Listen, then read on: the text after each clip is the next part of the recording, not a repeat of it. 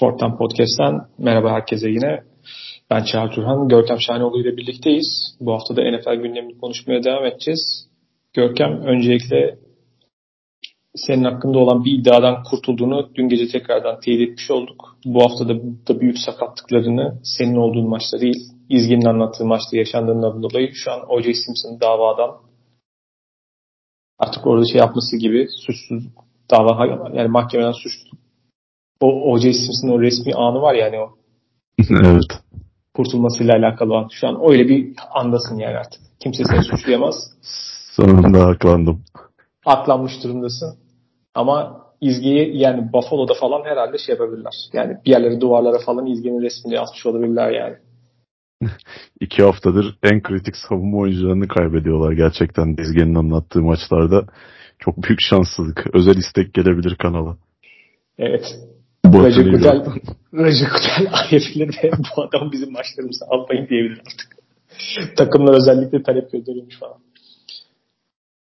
Bakalım. Bu arada e, tabii NFL gündeminde bu hafta tabii uzun süredir herhalde en çok merak edilen böyle hakikaten ağır siklet mücadelesi diyeceğimiz Fortnite ve Cowboys'un maçı vardı. Onun üzerinde bu iki tane hakikaten ağır siklet takımını şampiyonluk adayını konuşacağız. Ama öncesinde sana başka bir şey sorayım. Ee, Red River derbisini izleme şansın oldu mu? Ee, canlı izleyemedim ama ondan sonra full maçı izledim. Yani maçla alakalı değil de genel olarak Texas taraftarlarıyla alakalı bir şey söylemek istiyorum. Nedir abi bu Texas futbol taraftarlarının çektiği? Yani bir Allah Allah arasında gerginlik olan taraftar grubu da onlar herhalde. Yani zaten Dallas Cowboys'tan konuşacağız. Texas Üniversitesi de Cowboys'ta çok benzer kaderleri paylaşan bir futbol takımına sahip gerçekten. Geçmiş başarılar ve geçmişte yaşanılan o başarıların getirdiği büyüklük ve uzun süredir o başarılı günleri arayan iki farklı camia diyebiliriz herhalde. Yani tam bu sezon böyle her şey yerli yerindeymiş gibi e, bir hissiyat var. Çok iyi bir takım kurulmuş. İşte bu sene o sene artık dönüyoruz havası hakim. Ama hiç olmadık bir yerde en büyük rakiplerinden birine kötü bir şekilde mağlup oldu Texas. Yani playoff içinde ciddi bir darbe almış oldular.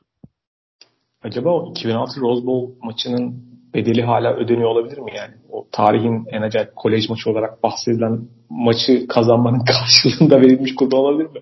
Çünkü hangi yılda? 2009 muydu? 2011 miydi hatırlamıyorum. Ee, Colt McCoy'un sakatlandığı final maçı Alabama'ya karşı. 2009 e, galiba ya. 2009 değil mi? Hala tartışıyorlar. Sanırım onunla alakalı e, şey dinlemiştim. Sen daha bir kesin. Alabama'nın o zamanki quarterback'i Greg McElroy. Şu anda ESPN yöneticisi. O tabii bir de Tex, e, Dallas'ta sanırım büyüyen bir yani orada yaşıyordu zaten. Texas'ta. Adama o kadar çok sormuşlar ki peki McCoy sakatlanmasaydı o maç ne olur diye bıkmış bir adam Alabama'ya taşımış. Bu arada maç demişken Texas tabii o kadar büyük bir yani koleksiyonlu bir marka ki üniversite Texas Longhorns. Etrafındaki tabii yani Austin'daki her türlü Texas'la alakalı şimdi daha daha basit bir tabi, daha normal, doğru bir tabi yok. Yani o kadar çok sinyalci var ki etrafta. Matthew McConaughey zaten standarttır. Özellikle başında de, geliyor. Tabii ki yani bir süre oradan artık. Takım iyi hale gel. Hani McConaughey'in şöyle bir özelliği var. Adam her zaman orada. Saygı Bir sürü ünlü var. Tamamen takımın iyi olmasıyla etrafa gelmiş durumdalar. Onlar etrafta tabii de bu haftanın önemli maçı, önemli maçı olduğu için e, Pat McAfee'nin olduğu böyle bir alternatif yayın da vardı. İşte onlar kenarda takılıyorlar, konuşuyorlar. Bir yandan orada bir ünlüler geliyor. Onlarla röportaj yapıyorlar, takılıyorlar falan filan. Abi maç sonunda yani ezeli rakibinize çok dramatik bir şekilde maç kaybetmişsiniz. Oradaki o adı hatırlamıyorum. Neyse ünlü aktörlerden bir tanesi gülüyor falan. Abi ne yapıyoruz abi? Biz, insan bir şeyleri indirir falan yani o gerilimde. Değil mi? Biz arada, Avrupa kafasında olarak daha çok anlayamıyoruz bu tarz durumları. Bu arada hani hakikaten Red Bull derbisinin güzel taraflarından bir tanesi şu ya ne başka var mı şu anda? 50-50 yani hala tribünlerin maçlarda olursa olsun 50-50 oldu. dağıldı. O yüzden kendine has bir rekabet olarak ayrı bir yeri var güzel. Şimdi o tarafını seviyorum yani kendi tarafını. Bir de şey dikkatimi çekti. Ee, Brent Venables eski Clemson savunma koordinatörü ki Clemson savunmasında ilginç şeyler yapan biri ve Clemson'dan o gittiğinden beri Clemson'ın iyi olmamasının tek sebebinin quarterback'lerin ötesinde bir durum olduğunu da düşünmemiz sebepler veriyor. Şu anki Oklahoma koçu Lincoln Riley USC'ye gittiğinden beri o devraldı. Geçen sezon Texas'a 49-0 kaybetmişlerdi maçta. Bu sezon kazandılar. Kazanırken de Big 12'de biz hep şey dalga geçeriz ya Hollanda Ligi gibi her maç üst bitiyor. Kimse savunma yapmaz. istese de yapamıyorlar falan diye. Yani savunmanın faktör olduğu bir takım yaratmış olmak ve bir de yani EPA'den işte yani e, gelişmiş istatistik metriklerinden bahseden işte erken hatları kullanmanın öneminden bahseden falan başka türlü bir gelenekselliğin biraz dışına çıkmış başka türlü bir kolej koşu ve bir program inşa etmesi açıkçası onun böyle bir kilit anlarından bir tanesi olarak dikkatini çekti ve e, hatta bir şey diyorduk zamanında şimdi Packers'ın savunmasıyla alakalı sıkıntılar olduğunda biz ya Packers taraftarının arada geyiklerinde tarzı şey var işte. Brent Venables'ı Clemson'dan çekmek için sadece para da yetmez. İşte oğullarında practice squad'a falan alalım. Bir tanesini gerekirse kadroya alırız falan diye. Öyle bir ilgi çekici bir koçtu. Bence orada da ilgi çekici program oluşturmaya başlamış durumda kendi farklı bir şekilde. Tabii Big 12 bir tane iyi bir savunma takımı gelmeye başladığı anda o takımın da seneye SEC'ye geçecek olması gibi bir olay var. Yani Big 12'de savunma olmayacak. Mottosu devam edecek herhalde. O biraz onunla da alakalı zaten bu yapılanma herhalde. Önümüzdeki sezon SEC'de oynayacaklar. Ona ön bir hazırlık başlamış gibi. Texas'ta da benzer bir durum var aslında. Ee, bu seneki Red River'ın bir önemli tarafı da oydu aslında. İki takım da e, Big 12'teyken son karşılaşmaları oldu bu. Önümüzdeki yıldan itibaren SEC'de oynayacaklar. Yani iki tarafın da artık SEC futboluna geçiş yapmaya hazırlıkları tamamladıklarını görmeye başlıyoruz.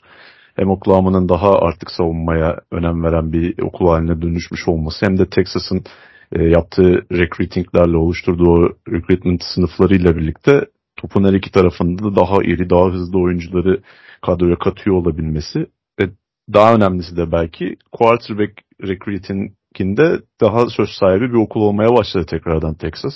İşte Archie Manning geldi oraya. Hatta Queen Evers'ın bu sezonki oynadığı en kötü maçtı bu herhalde Oklahoma maçı. Çok e, istatistiklerine baktığımızda e, pas yüzdesi, pas yardı falan iyi gibi duruyor ama iki tane çok kritik top kaybı vardı bu maçta. Ee, bir parantezde bu konuyu kapatmadan Sarkisian'ı açmak istiyorum. Ee, maçın bitimine bir buçuk dakika falan kala e, bir 3 ve 10 oynadı rakip yarı sahada. Yani koştular sadece 3 ve 10'da. Daha böyle biraz e, konservatif bir yaklaşımla oynadılar o hakkı sadece alan golüyle yetindi. Belki savunmasını durdurabileceğini düşündü ama dönüp çok hızlı bir şekilde touchdown'a izin vermeleri maçı kaybetmelerine neden oldu. Bu da e, Sarkisian'ın bayağı bir tartışılmasına neden oluyor karşılaşmayla alakalı. E tabi Mario Cristobal'ın çok daha kötü bir koçluk kararı olunca biraz evet, biraz arada kaynadı. Biraz arada kaynadı Sarkisian'ın. E, Miami'nin bu hafta kaybettiği maçı izlemeyen ya da haberi olmayan dinleyicilerimiz bir açıp baksınlar önce o karşılaşmaya. Yani sadece diz koyarak maçı bitirecekleri bir pozisyonda koşu oyununa devam edip Bumble'la topu kaybettiler. Ve yani karmanın bir getirisi olarak devamında touchdown yiyip maçı kaybettiler. Çok da kısa bir süre kalmıştı maçın bitmesine. Yani son zamanlarda gördüğüm en büyük koçluk faciası oydu herhalde. NFL'de Brandon Staley'nin bu tarz akıl tutulmalarına biraz alışığız ama bu bambaşka apayrı bir seviyeydi gerçekten de. Ya, Oregon'da da daha öncesinde öyle bir e, felaketin kıyısından birkaç kere dönmüş. Yani akıl almaz bir hata. Daha kötü, hakikaten daha kötü bir koşu kararı hatırlamıyorum ben. En azından kendi takip ettiğim dönemde. Yok tarihte yoktur ya. Hani NFL, NCAA, flag futbol, arena futbolu ya. Araştırıp baksınlar bu kadar saçma bir şey ben görmemiştim. Bu arada hakikaten yani Red River derbisi hakkını bayağı veren yani bazen bu kadar beklentiyle olan çünkü iki takım da işte namalip geldi. İki takım da son yıllarda ikisinin bir arada gerçekten iddialı olduğu zaman da bu kadar hakkını veren ve maçın da o beklentiye kıyasla draması, aksiyonu yani, yani her special teams snap'inde bir aksiyon oluyordu yani iyi bir şeyler çıkıyor. Takımların koçları neredeyse ellerinde ne varsa dışarı çıkardıkları yani bütün silahlarını kullandıkları kendince bayağı iyi maç oldu. Muhtemelen bir itiraf konferans finalinde tekrar ikisini görürüz gibi. O da merakla bekleyeceğimiz maç olacaktı. Bu arada Buffalo'nun e, kaybettiği oyunculardan bahsetmişken şöyle bir şey tartışmaya geçildi e, Londra maçlarında olduğu için. Çünkü Londra'da geçen Jaguars, Jacksonville Jaguars iki hafta üst üste oynasam ilk kez oluyor yanlış hatırlamıyorsam. Ve ikisini birden kazandı. Jaguars'la alakalı örneğin maçın sonunda daha dinç kalan takımdı. Bu arada yani maçın itibariyle daha belki daha da rahat kazanması gereken maç biraz maçın sonunda e, sıkıntıya girerek kazandı Jacksonville Jaguars ama maçın sonunda hakikaten sahada çok daha diri kalan. Normalde maçın başından itibaren koşmakta zorlanan ki gayet kötü, kötü bir koşu takımı. Kötü koşu hücumu takımı. Maçın sonunda böyle patlayıcı koşular bulmaya başlayan. Savunmanın yorgunluğu çok belli. Hatta savunmanın yorgunluğu Buffalo tarafında yani e, ilk çeyrekte falan özellikle bir Buffalo hücumun hiç işlemediği ve topun sadece Jacksonville'de kaldığı falan dönem vardı. Böyle Buffalo savunmacıları daha maçın başında elleri bellerinde falan bekleyen halde girmişler. Yani iyi gözükmüyorlardı maç sonunda. Zaten maçın top neredeyse 3'te 2 zamanda şeyde kalmıştı zaten. Jacksonville'de kaldı maçta. Şöyle bir şey tartışıldı. Bir, Jacksonville'in çünkü bu yıllarda çalışılan bir konuda olarak yani Jackson Üniversitesi her yıl orada bir tane maç oynadığı için Londra'da Londra'nın bir gayri resmi takımı konumunda ve tabii ki doğal olarak yıllardır tartışılan şeyler. Nasıl olur? Lojistiği nasıl olur? İşte pek çok başka unsuru nasıl çözülür falan yani bir Londra'da bir takım kalıcı olarak olabilir mi senaryosunda. Orada Jacksonville'in orada bir hafta kalmasıyla beraber sahada daha dinç olması işin hani takımın yani sonuçta arada ciddi bir zaman farkı var, uzun bir seyahat var daha hazır olmasıyla alakalı ve ki e, Travis Etienne de bundan bahsetti. Jackson'ın running back'i. Hani biz hakikaten biraz daha adapte olmuş ve daha iyi durumdaydık. Bu hafta onu hissettik demişti mesela. Bu tartışılan noktalardan bir tanesi oldu ki bence ilginç kararlardan bir tanesi mesela Buffalo oraya son galiba Perşembe veya Cuma gibi yani. İşte çok daha erken haftanın başından gelmeyi tercih etmeyip biraz daha sonuna doğru gelip işte çok özür bir antrenman yapıp mümkünce artık o jet fazla etkilenmemek gibi planları vardı sanırım bu son yıllarda birkaç takım bunu yapmaya çalıştık. Geçen hafta onların geçen hafta Atlanta benzerini yaptı. Onlar için sonuç pek iyi olmadı. Geçen sezon Packers bunu yaptı. Onlar de sonuç pek iyi olmadı. Böyle ilginç bir yaklaşım var ve bir şekilde e, sanırım Jacksonville'in bu şekilde belki düzenli olarak orada iki maç oynaması gibi bir senaryo. Çünkü başka hiçbir takımın onu isteyeceğini zannetmiyorum ve kabul edeceğini. Ama onlar için çok ilginç bir gelecek yıllarda saha avantajı olabilir sanki bu. Öyle de oldu zaten. Yani burada Buffalo Bills karşılaşmasında kağıt üzerinde ev sahibi Buffalo Bills'ti ama yani boşa giden bir ev sahipliği gibi bir şey oldu. Yani burada fikstürün ayarlanmasında ciddi bir sıkıntı olduğunu düşünüyorum ben. Jacksonville'ın orada zaten iki hafta kalması ciddi derecede bir avantaj sağlıyor onlara ve yani dediğim gibi kağıt üzerinde ikinci maç deplasman maçı olarak geçiyor ama e, sağ içine döndüğümüzde tam tersi bir durum söz konusu. Ki e, Buffalo Bills de iç sağ avantajını en net kullanan takımlardan bir tanesi bu ligde. Yani onların bir iç sağ maçı NFL tarafından ellerinden alınmış gibi bir durum oldu bana kalırsa. Hatta Miami maçından sonra Tyreek Hill işte taraftarını bayağı övmüştü Buffalo Bills'in. Normalde hani Amerikan sporlarında taraftarların maça çok etki ettiğini görmeyiz. En azından Avrupa'daki e, taraftarlara kıyasla. Ancak Buffalo Bills taraftarı gerçekten takımı için itici bir güç olabiliyor. Yani iletişimde ne kadar zorlandıklarından vesaire bahsetmişti Tyreek e, Londra'da o atmosferi oluşturmak çok da mümkün değil tabii ki. Yani kötü bir hafta sonu oldu Buffalo Bills adına. Önemli bir oyuncularını daha kaybettiler. Matt Milano sezonu kapattı. Ee, bir önceki hafta da Trey Davis White kapatmıştı. Yani geçen hafta biz de Buffalo Bills'ten ve Buffalo Bills'in geri dönüştüğünden bahsetmiştik. Yeniden ciddi bir Super Bowl adayı olarak öne çıktığından bahsettik ama e, yine kadar üst üste gelen kilit oyuncu sakatlıklarıyla ne kadar e, başa çıkabilirler bunu, ne kadar kendilerini ayarlayabilirler. O konuda yine bazı şüphelerim oluşmaya başladı. Çünkü savunmanın iki tane önemli oyuncusu yani bu önümüzdeki maçlarda biraz canını sıkacak gibi duruyor Buffalo Bills'in. Bu arada yani sakatlıklardaki etkisi tartışılır. Çünkü e, defensive line'da bu sezon belki kariyerinin bu aşamasına kadar beklenmedik seviyede çok çok iyi oynuyor. Daquan Jones da muhtemelen sezonu kapattı. Ve şöyle bir saçmalık var. Yani NFL'in kendi çünkü NFL oradaki ana stadını Tottenham stadı yapmak istiyor ve ona bir anlaşması var. Tottenham'ın normalde oynadığı çim zeminden çıkılıyor ve gerçekten tuhaf suni bir çim zeminde oynuyor NFL takımları maçlarını orada. Böyle saçma sapan bir şey var bu arada. Yani o belki Tottenham'ın kendi zemini zarar görmesin diye istediği bir şey de olabilir. Ki zaten NFL'de bu tarz zeminleri kendi liginde de uyguluyor Amerika'daki stadyumlarda. Ama bu kadar tartışıldığı dönemde bu yapay çimin yani Londra'da da böyle bir uygulamaya gidilmesi gerçekten anlaşılamaz bir durum. Buffalo için tabii kayıplar sıkıntılı oldu bu son iki haftada. Gelecek için sıkıntılı ama şampiyonluk adaylarını göreceksek bir haftanın Castle Arskep maçını göreceksek herhalde son yıllardaki en en azından sezonun bu aşamasında beklenen gerçek çünkü belki sezon şu aşamasına baktığımızda en dominant iki takım desek yanlış olmaz herhalde. Fortinanders ve Cowboys için. Yani çok üstün görünüyorlar geri kalan. Yani Cowboys bir tane maçı kaybetmesine karşın geri kalan maçları çok rahat bir şekilde, ağır bir şekilde kazanıyordu. Fortinanders de zaten öyle. Şimdi Fortinanders tabii çok ağır bir mağlubiyeti uğrattı Cowboys'u ve Dallas'ta biraz ortalıkta karışmış durumda. Fortinanders'i yani silindir gibi herkesin üzerinden geçiyorlardı. Hani bizim hani sezon başında belki biraz konuşmak için beklediğimiz sebeplerden hani biraz daha hakikaten dişlerine göre bir takıma karşı da nasıl olduklarını görelim istiyorduk. Fark etmiyormuş. Onu gördük.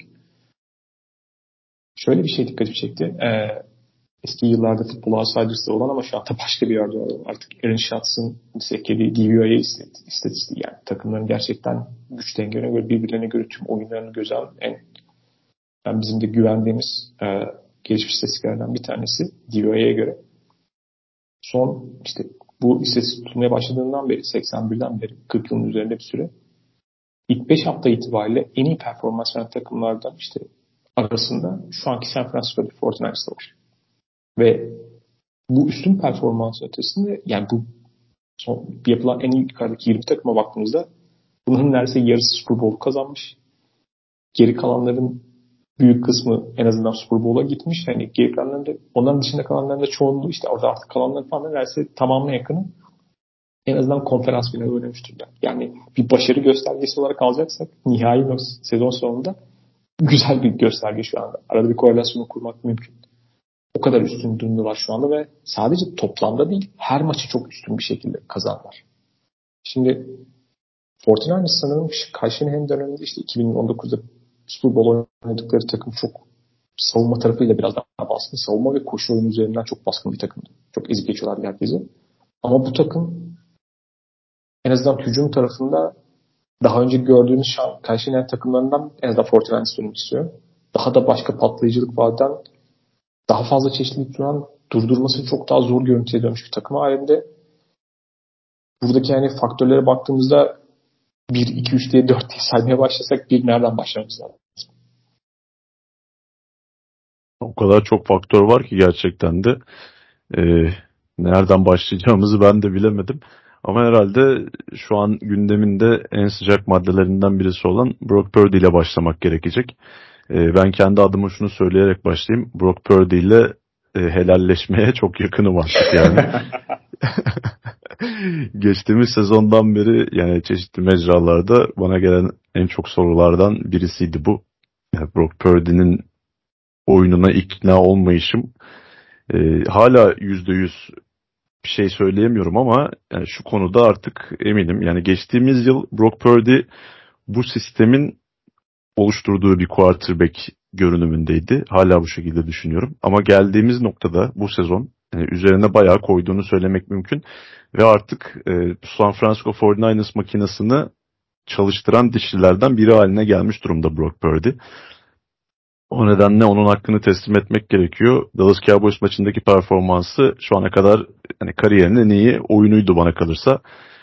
Ee, Carl uzun bir süredir kendi sistemini üst seviyeye taşıyacak, o yeni zirveleri açacak bir oyuncu arayışındaydı. Daha doğrusu oyun kurucu arayışındaydı. Brock Purdy daha önceki quarterbacklerinin sağlayamadığı birçok şeyi sağlıyor bu takıma. Yani hala Kyle Shanahan'ın sisteminin çok büyük bir etkisi olduğunu düşünüyorum ve hala buradaki e, sistemin esas bağlayıcı isminin Christian McCaffrey olduğunu düşünüyorum. Bunlar ayrı bir nokta ama e, Brock Purdy'nin de bu takımı yeni zirvelere ulaştırdığını söylemek gerekiyor. E, şimdi bu maçın özellikle Cowboys maçı özelinde konuşmak gerekirse e, All-22 açısından bir kez daha izledim. Ve Brock Purdy ile alakalı çıkarttığım bazı notlar var. Yani daha önceki 49ers quarterbacklerinin yapamayıp Purdy'nin bu takıma kattığı şeylerden bir tanesi en önemlilerinden biri e, baskı altında telaşlanmaması. Yani bunu geçtiğimiz sezon da bize göstermişti.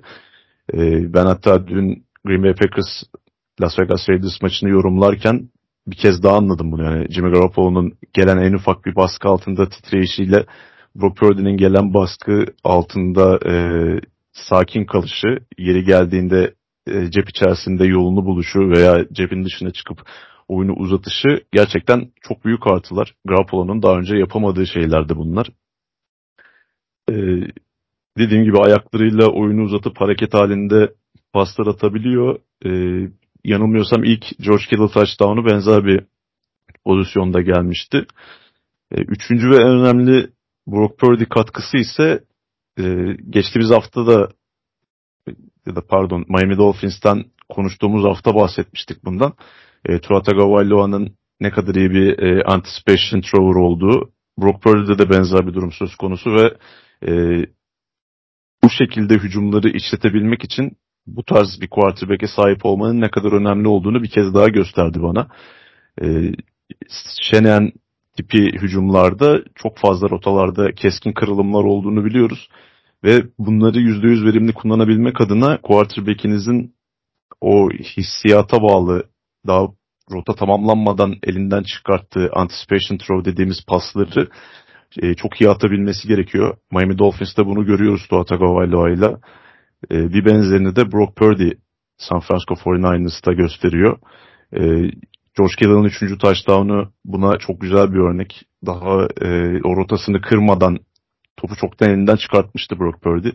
Yani bu okumaları çok iyi yapıyor ve zamanlaması gayet iyi yani maçın genelinde Kyle Shanahan'ın Brock Purdy'yi elverişli pozisyonlara soktuğunu da yine bolca görüyoruz. Ama yani burada artık önemli olan nokta Brock Purdy'nin ne kadar iyi bir quarterback olduğu ya da ligdeki diğer quarterbacklerle kıyasladığımızda onu nereye koyacağımız vesaire değil.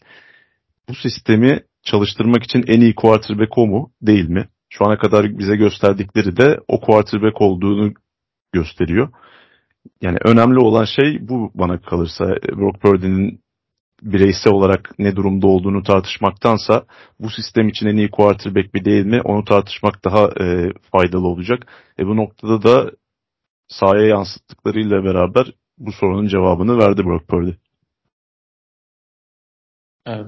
Kayseri'nin hücum tarzıyla alakalı, kendi sistemiyle alakalı olarak işte eski oyuncusu RG3 onunla beraber çalıştı ki çok başka bir sistem uyguladı tabii ki o inanılmaz koşan bir oyuncuydu o kariyerinin başında. O şöyle bir şey demişti.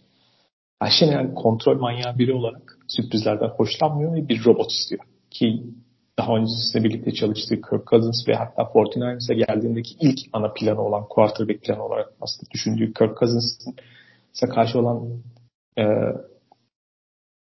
ona karşı onu istemesinin sebeplerinden bir tanesi de oydu yani. Zaten bu sistem yani zaten karşılarının artık, artık isminin neresi verdiği sistemi diye.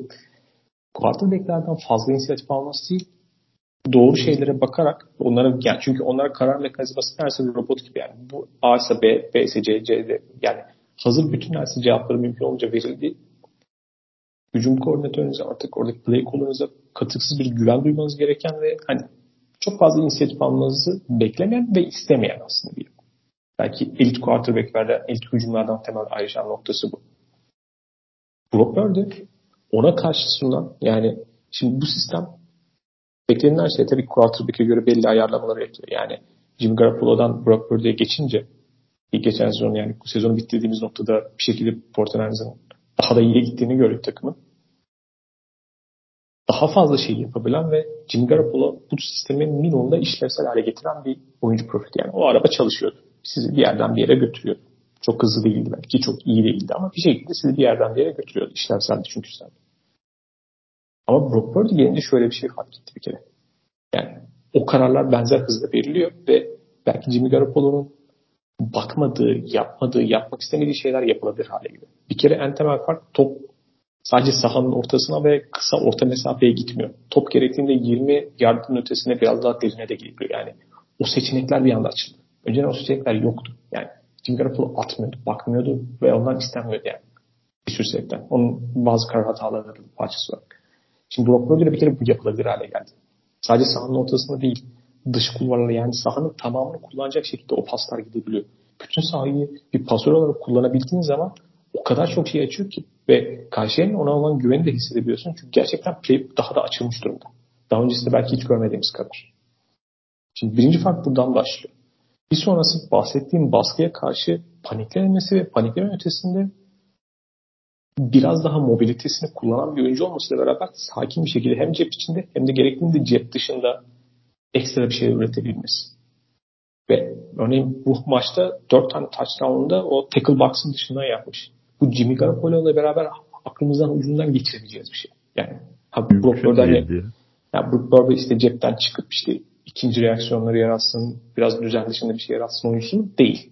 Gerektiğinde arada yapabiliyor.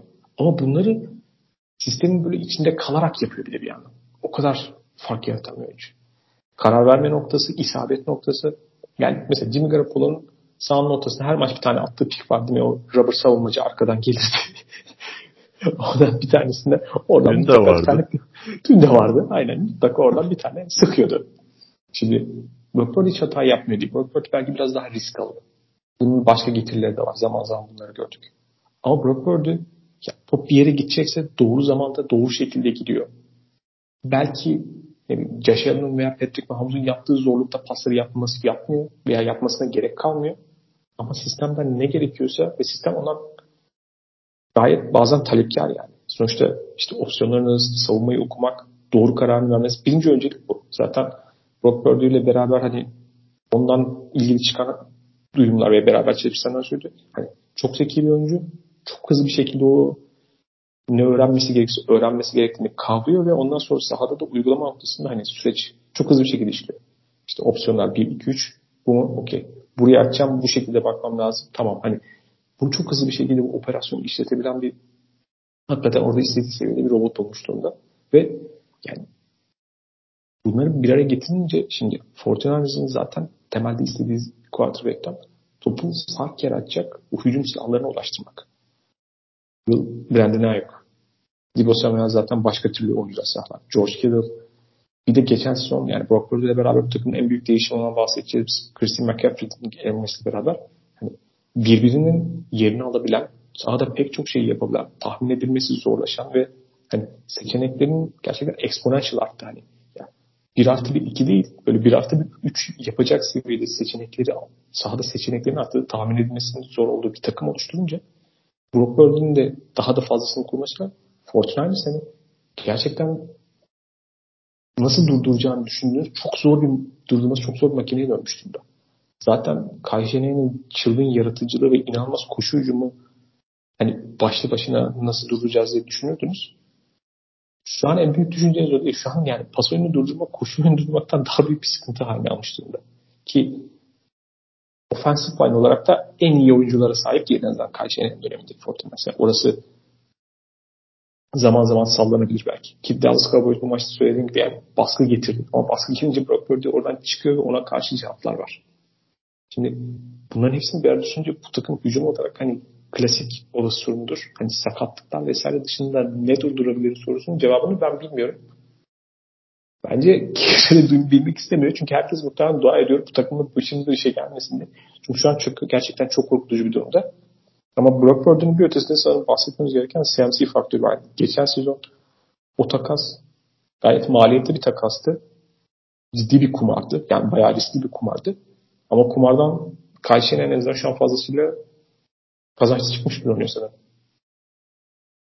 Kesinlikle öyle. Yani bu takımın e, şu anki durdurulamaz görüntüsünde kavuşabilmesi için en önemli parçaydı. Yani e, Thanos'un o Avengers'ta topladığı taşlardan sonuncusu Christian McCaffrey oldu.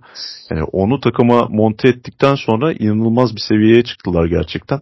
Yani bu sezonki Brock Purdy'nin katkıları yatsınamaz. Bundan bahsettim zaten ama yani dediğim gibi şu an e, bu makinenin ana parçası Christian McCaffrey gerçekten de. E, onun sahada yaratmış olduğu tehdit savunmaları çok farklı noktalara götürebiliyor. Yani Dallas Cowboys karşılaşmasında e, wide receiver olarak dizildiği pozisyonda Stefan Gilmore savunuyordu adamı yani. Bir running back'i en iyi cornerback'iniz de savunuyorsunuz. Yarattığı tehdit böyle bir tehdit McAfee'nin. Ee, birçok oyuncuyla yer de değiştirebiliyor bu yetenek seti sebebiyle. Yani sen de bahsettin işte Divo Samuel'ı yeri geliyor running back'te kullanıyorsunuz. Bu Samuel'ın da çok yönlülüğüyle alakalı bir durum. Ve bu şekilde e, linebacker'la eşleştirebiliyorsunuz. Aynı şekilde Christian McCaffrey'i wide receiver olarak kullanıp safety ile ya da e, bir cornerback ile eşleştirebiliyorsunuz. Ki onun yarattığı tehditin arkasından daha farklı bir oyun dizayn edebiliyorsunuz. Gerçekten Karşıyener'in elinde o kadar fazla çok yönlü oyuncular var ki bu yani sonsuz bilinmezci bir denkleme çeviriyor 49ers hücumunu. Şu an takımlarında mutlaka aradığı ama bulmakta zorlandığı belki de bu sezon bulamayacakları bir problem haline dönüşmüş durumda. Yani Christian McCaffrey inanılmaz bir seviyede gerçekten. Ee, yanılmıyorsam 15 maç üst üste touchdown yaparak 49ers rekorunu kırmıştı. En uzun üst üste touchdown yapma rekorunu. Burada rekoru elinden aldığı oyuncu da Jerry Rice yani. Şey NFL'de touchdown yapma üzerine iktisat yapmış bir oyuncudan bahsediyoruz. Ee, inanılmaz bir seviyede şu an ve ister istemez MVP tartışmaları da başlamış durumda. Ama e, bir running back'in 2012'de en son MVP ödülünü kazandığını görmüştük. Yeniden bunun tekrar etmesi özellikle günümüz NFL'inde zor yani düşük bir ihtimal. E, en son 2019'da Christian McCaffrey e, Carolina Panthers'tayken çok yine acayip bir sezon oynamıştı. İşte 1387 koşu yardı, 1005 pas yardı, 19 toplam touchdown. E, ama o sezon sonunda Lamar Jackson anonymous bir şekilde MVP olmuştu ve tek bir oy bile çıkmamıştı McCaffrey'e. E, McCaffrey'nin MVP olabilmesi için bu rakamları tekrarlayıp daha da üzerine çıkması lazım belki ve e, çok üst düzey istatistik ortaya koyan bir quarterback'in de olmaması gerekiyor. Bu ne kadar mümkün olacak sezon sonunda hep birlikte göreceğiz ama yani ben bir değişiklik olmasından ziyade gerçekten şu ana kadar gösterdiği performans hak ettiğini düşündüğüm için de Christian McCaffrey'nin e, MVP olmasını isterim. En azından bu sezon, ondan önceki sezonlar gösterdiği performanslarla running back'in değerini biraz yukarıları tek başına çekmeye başlayan bir oyuncu olarak da görüyorum. Bu yıl draftta birinci turda işte arka arkaya Bijan Robinson ve Jamie Gibbs draft edildiyse bunda Christian McCaffrey'nin payı büyük. Çünkü McCaffrey gibi çok yönlü running backler hücumları başka bir seviyeye taşıyabiliyor. Takımlar da bunu görerek direkt e, düz saf running backlerden de daha böyle çok yönlü işte yeri gelince receiver gibi kullanabileceği running backlere yönelmeye başladı. Bijan Robinson zaten bu yeteneğini gösteriyor. Ee, sadece 49ers'a değil NFL futboluna özellikle gelişen hücum sistemlerine katkısı da yatsınamaz McCaffrey'nin. Bence bu devirde yani running back'lere kontrat verilmesinin günah kabul edildiği bu dönemde bir running back'in bu kadar silahı olan bir takımda ve bu kadar çılgın bir hücumda yani MVP olma ihtimalinden bahsetmemiz bile inanılmaz bir şey. Bir de şu var.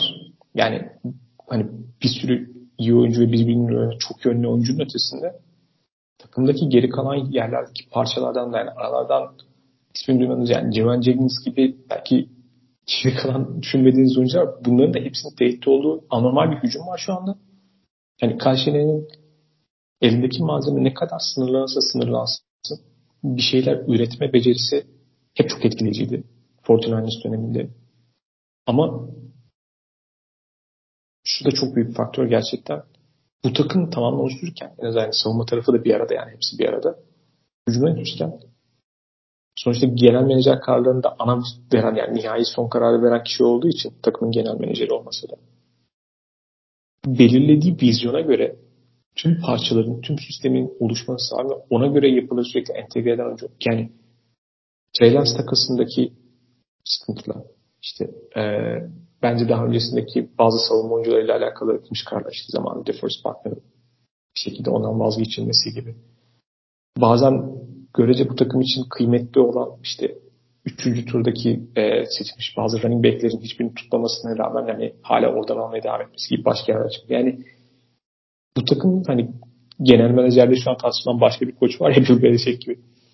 Kayseri'nin buradaki bazı kararları iyi olmasa da gerçekten çok ciddi sıkıntılı kararlar olsa da tüm yapıyı kendi şey isteğine göre tüm o vizyona göre her şey herkesin aynı sayfada olduğu bir organizasyonun başındaki insan olarak hani değeri de inanılmaz. Yani sadece play caller olarak bahsetmek de bence biraz etkili. Yani ki play caller, işte hücum koordinatörü, işte head coach olarak vesaire burada ne görüyorsak muhtemelen sanırım sezon başında demiş yani.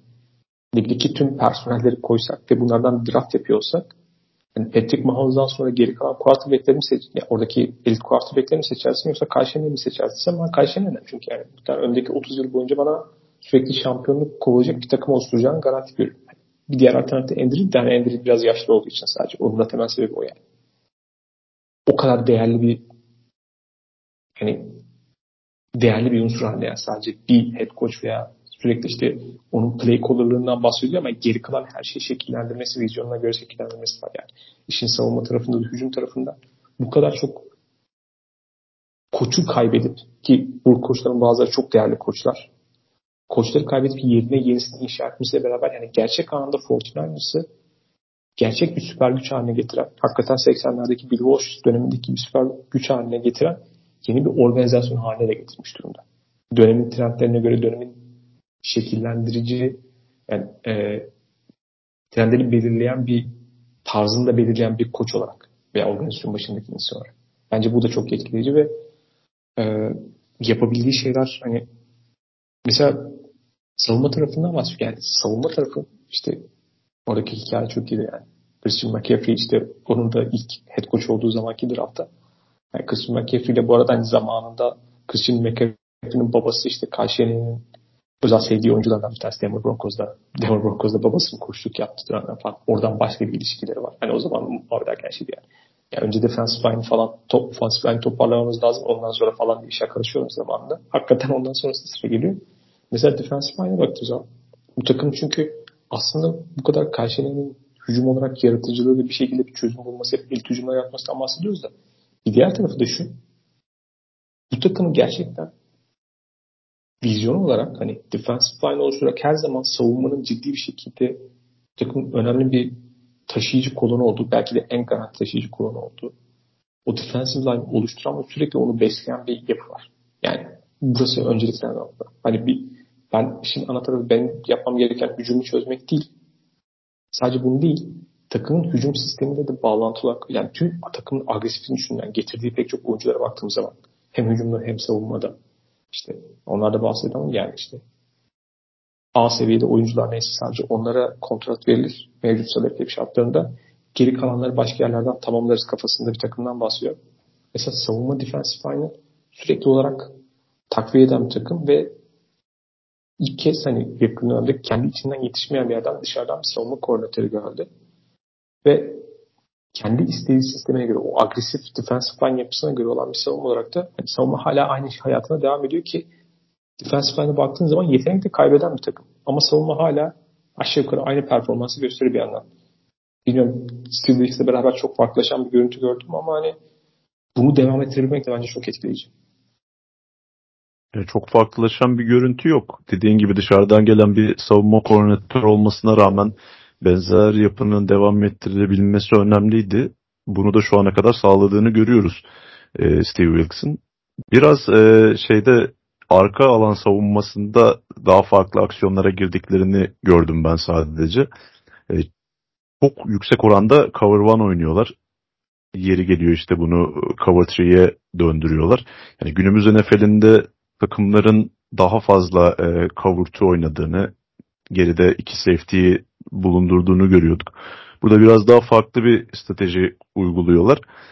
Ee, Bir nokta sadece geçtiğimiz yılki San Francisco 49ers defanslarına kıyasla ellerindeki pass rush gücüne rağmen daha az sek yapan bir takım görüntüsündeler şu ana kadar. Ee, sadece 13 sekleri var geride kalan 5 haftada ve e, lig ortalamasının civarlarında ya da biraz daha alttan yani tam böyle ortalarda seyrediyorlar bu alanda. E, bu benim sezon başında öngördüğüm bir tablo değildi. Çünkü oraya Javon Hargrave de eklendikten sonra işte Bosa, Armstead, Hargrave üçlüsü işte yedekten gelen Javon Kinlaw vesaire gibi oyuncularla e, daha baskın bir rush bekliyordum. Yani pas e, rush yüzdelerinde, o baskı yüzdelerinde kötü durumda değiller tabii ama oyunları bitirmekte biraz e, sıkıntı var. Bu da Nick Bosa'nın biraz e, sek sayısında geri kaldığını görüyoruz. O herhalde sezon öncesi holdout'la da biraz açıklanabilecek bir durum. Yani onun dışında savunma hala güven veren bir savunma. Tabii ki burada en önemli faktörlerden birisi ligin açık ara en iyi off-ball linebacker'ına sahip olmak işlerini bayağı bir kolaylaştırıyor diye düşünüyorum. Konuda sen de muhtemelen bana katılacaksındır. Fred Warner yine inanılmaz bir sezon oynuyor. Cowboys maçında da inanılmaz bir performansı vardı. Yani e, Navarro Bowman'dan sonra her şeyi yapan ikinci bir linebacker'ı daha var bu takımın. Ve uzun süredir de bu üst düzey performansına devam ediyor. Yani yeri geliyor koşuyu durduruyor, yeri geliyor Brandon Cooks gibi ligin en hızlı receiver'larından birisiyle derin rotada birebir savunmadayken aynı rotayı koşabiliyor. Yani gerçekten çok önemli. Ligin belki de en değerli savunma oyuncularından bir tanesi. Çok ön planda olmasa da ismi. Çünkü e, defensive line oyuncuları ve edge rusher'lar daha çok ön planda işte yaptıkları sekler vesaireyle daha çok oyuna etki ediyormuş gibi gözüküyorlar ama burada Fred Warner'ın oyuna katkısı cidden inanılmaz bir seviyede ya o savunmadaki aldıkları bazı hesaplanmış listeler var. Öne bahsedeceğim. Ön taraftaki grup ne kadar etkiliyse arka tarafı biraz daha zayıf bir oyuncu grubu böyle yapmayı tercih ediyorlar. Hatta bahsettiğin o cover one, cover two savunmalar biraz daha arkada aslında tek tepedeki tek safety yapısının biraz daha şu anda geri planda kaldığı ligdeki dünyada görece bir 10 sene öncesinin daha e, kabul gören yapısına karşı herkesin çözüm ürettiği bir dünyada mesela bu tip agresif bir savunmayı hala uygulama noktasında. Ama bu uygulama noktasında ön taraftaki oyuncuları çok agresif bir şekilde e, Esraş'a veya bir şekilde hücumun üzerine gönderirken o aldıkları işleri yönetebilmelerinin arkasından sahada birinin inanılmaz kararlar verme etkisi var. Evet yani oradaki e, savunma tarafındaki iletişim sağlayan oyuncular, oradaki middle linebacker olarak Fred Warner bazı temel oradaki yönlendirme liderlik sorunları vardı. Onun da ötesinde ben yani en azından kendi izlediğim dönemde Luke Kuechly bile hani Luke Kuechly'ye çok yakın benzer profilde bir oyuncu olarak görüyorum. Yani bir kere rakibin ne yapmak istediğinin sanki acayip bir örümcek hissi var adamda. Nerede oyunun ne olduğu, nereye gideceğini çok hızlı bir şekilde çözüyor. Daha yani daha snap falan olmadan hani öncesinde bir şeyler yapmadan falan hızlı bir şekilde çözüyor.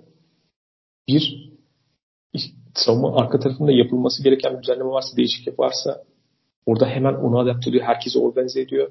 Ondan sonrasında bir kere yani iyi linebacker gruplarına baktığım zaman şu anda genelde çift vardır. Çünkü temel artık 5 defensive back'le oynandığı için yani kendi iki linebacker oradaki kritik nokta. Mesela yanına koyulan kim linebacker varsa şu anda mesela orada Greenlaw. Greenlaw o kadar iyi bir oyuncu mudur belki tartışırız. Fred Warner'la olmaz ama Fred Warner rahatlığı ve onu yönlendirmesiyle beraber o kadar hani hiç çekinmeden, düşünmeden, korkusuzca bir yerlere gidebiliyor ki o da. O rahatlığı sayesinde o agresif savunma gerçekten fonksiyona geliyor. Fred Warner'ın mesela o agresif savunmanın ön taraftaki potansiyel bir etkisi nedir? O agresif savunmaya karşı koşu oyununda bazı savunma tarafında eğer fark etmezseniz oradaki bazı boşluklardan sızabilir ve sizin için koşu oyununun savunması biraz daha kötü hale gelebilir. Mesela Fred Warner'ın oradaki doğru koşu koridorunu her neredeyse her seferinde seçmesi ve oraya girip onu durdurması başka bir şey. Ama bunların hepsinin ötesinde daha acayip bir şey görüyorum. Yani mesela son maçta acayip bir tane fumble'a zorladı. Rakip 10 yardım içerisinde topa sahip oldular. Hani orada topu kaybettiler ama ondan sonrasında Dak, Dak Prescott'ın işte dışarı çıktığı, cepten dışarı çıktığı pozisyon vardı. Onu sekle indirdi hani tüm her şeyi okuyup ve o işin gidişatını görmesi falan. Senin bahsettiğin pozisyon var. işte Brandon Cooks'la beraber rotayı koşuyor. Ya Brandon Cooks ya bu ligin gayet en hızlı wide receiver'larından bir tanesinden bahsediyor. Onunla koştu sonra. 50 yard koştu neredeyse. Bir de her maçta hani bu tip acayip şeyler yapılma üstesine hani maçın kaderini değiştiren ve en büyük anlamdaki o büyük kader değiştiren maçın kaderini değiştiren anların hepsinin içinde Nelson var. Yani Uğur'u koklama becerisi de acayip. Yani. İşte iki sene önceki e, Division maçında hatırlıyorum playoff'ta. Mercedes Lewis'e bir tane hiç öyle hata yapmayan bir oyuncuydu. Bir tane fumble'a zorladı. Maçın şey, seyri değişti. İşte Super Bowl'da e, maçın kritik anlarından bir tanesi de hatırlıyorum. Interception'ı vardı falan. Bu tip böyle büyük anlarda da bir şekilde sağ, maçı çıkan ve inanılmaz o oyunları yapabilen de acayip bir oyuncu. Hani geri kalan her şeyi onun inanılmaz bir oyuncu olmasıyla açıklayabiliyoruz. Ama bir de böyle çok acayip bir becerisi var yani. Bunu hani herhangi bir şekilde açıklayamıyorum yani. Nerede ne yapacağını koklayan, çok hızlı karar veren inanılmaz bir oyuncu. Hani herkesi bırakıp hani onu izlemek istiyorum yani onun maçın içerisinde. Çünkü akıl almaz şeyler yapıyor. Ve geri kalan her şeyin çalışmasını sağlayan bir oyuncu. Mesela Luke Kuechly'e benzetiyoruz yani bir şekilde oyunu okuması zamanında ve çok o acayip bir oyuncu çünkü yani geri kalan her şeyi çalışması. Hani Luke Kuechly'nin tuhaf adetleri var diye işte elimde televizyon yoktu sadece. Başka bir şeye konsantre olmayayım diye sadece işte e, maç kasetlerini izliyordu falan. Yani onun ne yaptığını çok iyi çalışkanlıkla ve onun hani yüksek işetiyle falan açıklayabiliyordu her şeyi. Warner'da da başka bir şey var yani. Hani oyunun her kritik anındaki maçın kaderini değiştiren sanki bir şey varsa savunmada o yapacak gibi. Yani defensive line'ın tamamen maçı domine etmediği senaryolardan bahsediyorum. Yani çok acayip bir oyuncu ve geri kalan her şeyin bir arada çalışmasını sağlıyor. Yani onun sayesinde geri kalan savunmanın arka taraftaki görece e, sıkıntılı olabilecek oyuncuların hepsi çok agresif ve rahat bir şekilde oynayabiliyor. Pas rotalarını atlayıp top kaybı yaratabiliyorlar. Riskleri alabiliyorlar. Geri kalan her şeyin çalışmasını sağlayan bir oyuncu. Aa, yani her seferinde de daha iyi gidiyor. Yani daha fazla şey sunuyor. Gördüm yani en azından benim izlediğim NFL dönemindeki en etkileyici oyunculardan bir tanesi hücumdaki tüm bu etkileyici oyunculara rağmen gerçekten de e, Christian McAfee'den sonra bu takımın en önemli oyuncusu olabilir e, Fred Warner. Yani ben çoğu zaman Nick Bosa'nın da önünde görüyorum. Çok çok acayip bir isim. O bahsettiğin Tony Pollard'a yaptığı tackle ve fumble'a zorladığı oyunda e, Tyler Biadasz Cowboys'un center'ı second level'a çıkarak onu bloklamaya geliyor. Yani o kadar rahat bir şekilde kurtuluyor ki center'dan. Hani linebacker'ları analiz ederken de bakılması gereken noktalardan birisi bu aslında. Yani drafttan ligeye gelen linebacker'lar işte izlenirken scouting aşamasında en çok bakılan şey nedir? İşte ne kadar iyi tackle yapabiliyor? İşte coverage yeteneği var mı? Vesaire. Ama biraz underrated kalan ve çok önemli yeteneklerden birisi de o shedding the block denen o bloktan kurtulma çünkü yani NFL seviyesinde offensive line'lar o ikinci alana geçtiğinde yani linebacker'ları anında kitleyebiliyorlar.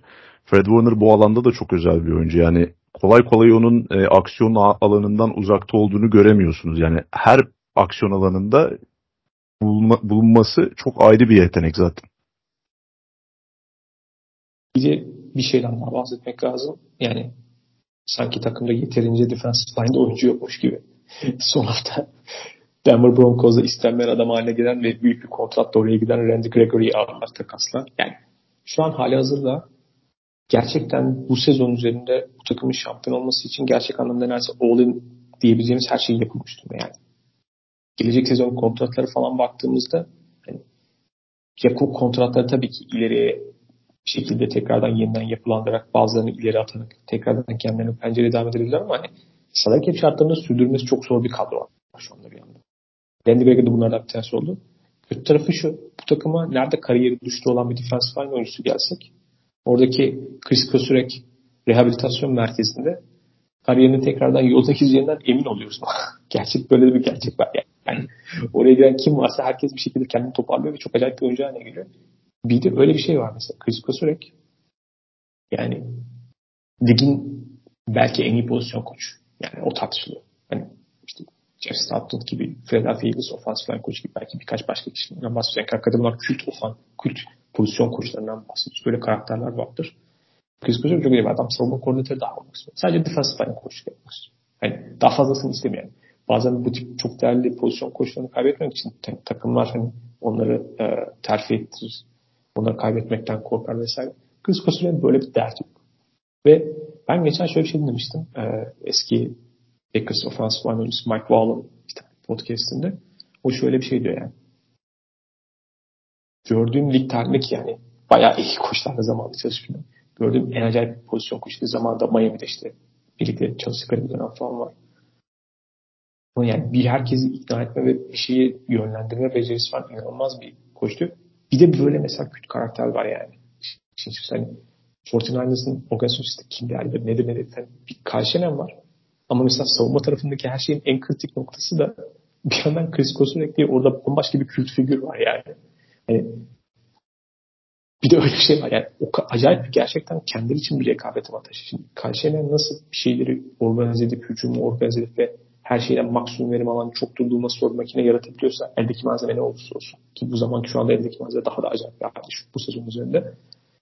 Diğer tarafta da her zaman savunmanın belli bir seviyede kalmasını sağlayan ve hani evet çok iyi oyuncular var, çok iyi yatırım yapıyorlar buraya mutlaka ama geri kalan o parça tüm oyuncu grubunun da takımın taşıyıcı kolonlarından biri olmasını sağlayan ve derinliği, farklı çeşitliliği sağlamasını sağlayan bir de orada bir özel pozisyon koçu var. O da çok acayip bir faktör aslında bu Fortnite'da. Karşıyene'nin biraz e, işleri düşünürken herkesten daha farklı bir pencereden olaya bakmasıyla da alakalı. E, Off-season'da Atletik'te yayınlanan Play Callers podcast'inde e, bir bölümde bahsedilmişti ondan. Houston Texans'ta asistanken e, hücum asistanı ama sürekli savunma takımının toplantılarına gidip onları dinliyormuş. Yani normalde düz mantık nedir? Bir hücum koordinatörü ya da hücum asistanının kendini geliştirmek için hücumla daha çok iç içe olmasını beklersin. Ama o tam tersi bir noktadan yani savunmalarla birlikte zaman geçirerek savunmaları analiz ederek onlara e, counter bir taktik üretme konusunda daha asistan olduğu dönemlerden kendini geliştiren bir isim. Yani bu da onu diğer hücum e, akıllarından daha farklı bir noktaya koyan faktörlerden biri bana kalırsa. Ayşe'nin herhalde bıraksak biz saatlerce konuşabiliriz ama bir yerde kesmemiz gerekiyor. Muhtemelen daha farklı şekillerde konuşmaya devam edeceğiz. Fortnite ile alakalı mesela şu an için başka bir notun yoksa Son olarak şey şeye değinelim e, bence. O da notlarımızda vardı yani ne olabilir de San Francisco 49ers Super Bowl'a gidemez ya da Super Bowl'u kazanamaz. Yani çok fazla bir seçenek çıkmıyor karşımıza açıkçası. Yani şu görüntü herkesi yene yene kazanabilecek bir takım görüntüsü. Ama e, bir tane onların canını sıkabilecek, onların yapılanmasına ters gelebilecek yapıda bir takım var. O da Philadelphia Eagles. E, geçtiğimiz yıl Brock Purdy'nin sakatlığı biraz eşit şartlarda mücadele etmekten alıkoydu onları. Fakat e, Eagles'ın offensive line'ı ve koşu hücumu San Francisco 49ers savunmasının belki de kağıt üzerindeki tek büyük zaafını açığa çıkartabilecek bir e, offensive line ve koşu hücumu. Bu da nedir? E, şu ana kadar çok fazla sıkıntı yaşamadılar bu noktada ama 49ers defensive line'ının yapısına baktığım zaman benim gördüğüm yani bu defensive line güçlü koşu hücumlarını, güçlü offensive line'ları savunabilmek üzerine dizayn edilmiş bir offensive line değil. Yani defensive tackle oynayan oyuncuların bile birinci özelliği pass rush. E, bu Philadelphia Eagles gibi bir takımla tekrar eşleştiklerinde sıkıntı yaşamalarına neden olabilir. Neyse ki şanslıyız. Yani bunu görmek için playoff'u beklemeyeceğiz. 13. haftada Philadelphia Eagles'la deplasmanda bir karşılaşma oynayacaklar.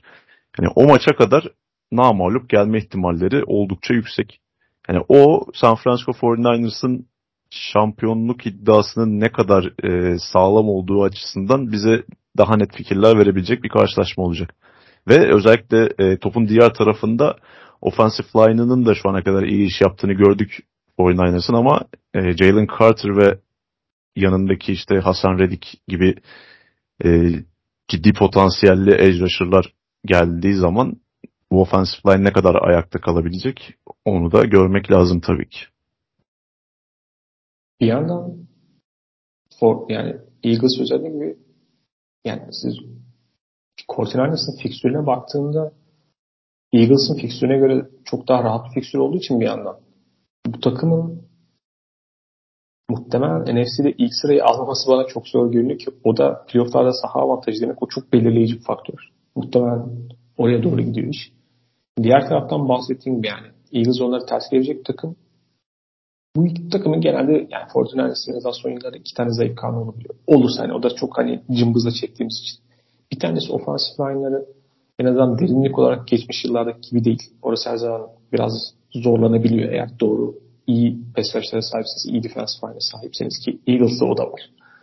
Diğer taraftan da ya sakatlık konusunda o kadar fiziksel ve o kadar sert oynayan bir takım. Yani tüm kimliği hakikaten siz bir kere bu takımla fiziksel sertlik olarak hani ona üstün gelmiyorsunuz. Belki baş edebilirsiniz. O da çok bas takım. Ancak yaklaşabiliyor zaten. Ama o kadar fiziksel ve sert oynayan bir takım ki sakatlıkları her zaman geri kalan takımlara daha açık bir takımlar. O da playoff zamanı sağlıklarının nasıl olacağı muhtemelen için çok belirleyici olacak.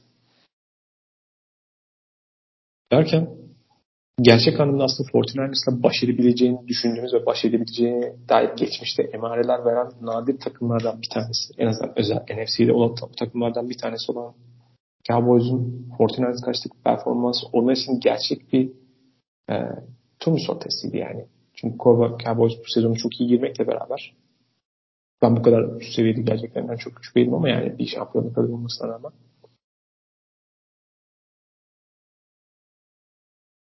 49ers'a karşı son iki sezonda playoff'ta kaybetmiş olmaları ve onlara karşı bazı yapabildikleri şeyleri yapamamış olmayla beraber onlar için tabii çok daha önemli ve kritik maçtı. Ve onlar için gerçekten hani kendilerini kanıtlama en azından 49ers'la gerçek anlamda baş başa gidebilecek, onlarla çarpışabilecek bir takım olduklarını gösterme fırsatıydı ve yani yakın zamandaki en merakla beklenen işte primetime maçlarından bir tanesi yani pazar gecesi 49ers Cowboys maçı. Cowboys'un güç yani hayal kırıklığı yaratan performans ve onunla alakalı durum tartışacağız ama öncesinde belki şuradan başlamak lazım. Sezonun bu aşamasına kadar 49ers'la beraber ve Eagles'la beraber gerçekten NFC'nin en geri kalan herkesten ayrışan gerçek bir ağır siklet temsilcisi olduğunu gösteren Dallas Cowboys'un en azından oradaki olmasının temel sebebi neydi? Muhtemelen orada da savunmadan, Ben Quinn'den ve tabii ki Micah Parsons'dan başlamak gerekiyor sanırım. Aynen öyle. Yani Cowboys'un fikstür avantajıyla da bu performansı gösterip göstermediği şu günlerde özellikle daha da tartışılmaya başlanan bir konu haline geldi. E, çünkü kazandıkları maçlara ya da kaybettiği maçı da kazan San Francisco maçına kadar oynadıkları takımlar gerçekten domine edebileceği takımlardı bu takımın. Yani New York Giants'ın sezon başında bu kadar kötü olacağını beklemiyorduk tabii ki. O e, biraz Cowboys'a dramatik bir şekilde kaybetmelerini yani dramatik dediğim ezip geçti Cowboys Giants'a ama onun etkisiyle biraz kötü gittiğini de hesaba katabiliriz elbette Giants'ın ama e, Cowboys'un sezona muhteşem bir savunma performansıyla başladığını söylemek e, gerekiyor. Her ne kadar dediğim gibi rakipler bu alanda daha domine edilebilir rakipler olmasına rağmen. E, bunda Dan Quinn faktörü yatsınamaz tabii ki. Dan Quinn'in sezon başında da bahsetmiştik yani bu takımda hala kalıyor olması çok büyük avantajdı ve her sezon Cowboys savunmasını daha da üstüne koyduğunu gördük Dan Quinn'le birlikte.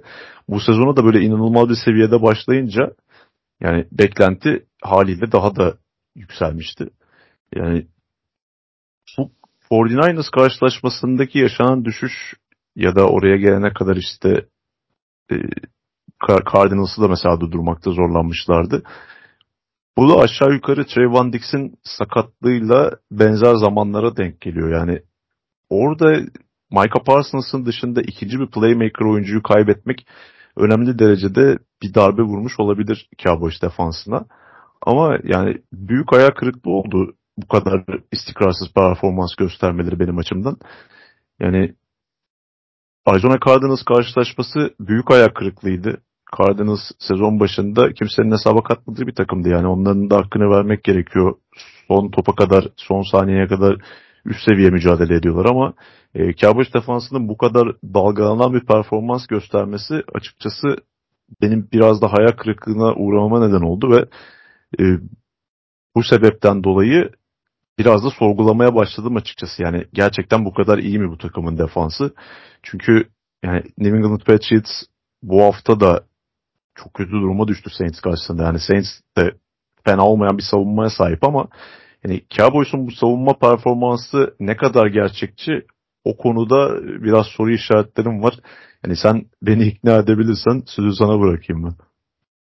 Ya şöyle ben hani biraz daha geri dönüyoruz ama Quinn bu takıma geldiğinde halihazırdaki takımın yani mevcut savunma performansını göstereceğine inanmıyordum. Ama daha da önemlisi o iki sezon önceki performansın benzer şekilde devam etmesi çok bana şaşırtıcı geliyor. Şu yüzden çünkü o takıma baktığınız zaman hani her parçası çok iyi olmayan ama Trevor Dixon o zaman o dönemki profili hatırlarsak yani inanılmaz interception makinesi olan bir oyuncu ama çok risk alan ve arkaya hakikaten çok adam kaçıran çok aldığı risklerin karşısında hani çok ciddi şekilde savunma zaafları da verebilen bir oyuncu mesela o takımın sembol isimlerinden. Şimdi takımın işleyişine baksana Dan Quinn işte o cover 3 hakikaten tek tepede tek safety'li biraz arka tarafta belki risk alan ön tarafta daha fazla ağırlıklı agresif savunma yapısı ki 49ers da aslında temelde o savunma felsefesine sahip. İyi yaptıkları bir şey. Çok risk alan bir takımda evet. Ama riski doğru şekilde yönetebiliyor. Yani ne işte agresif pass rush ile beraber coverage'ın bir arada ortak çalışması. Yani o top eğer çabuk çıkıyorsa bir şekilde o pass rush'ın etkisiyle o pas kanallarına çok hızlı bir şekilde e, saldıran ve bir şekilde coverage ile beraber aldığı riskleri makul hale getirebilen bir takım mesela bu Cowboys. Mesela Trevor Dix'in bahsettiğin en önemli artısı oydu yani.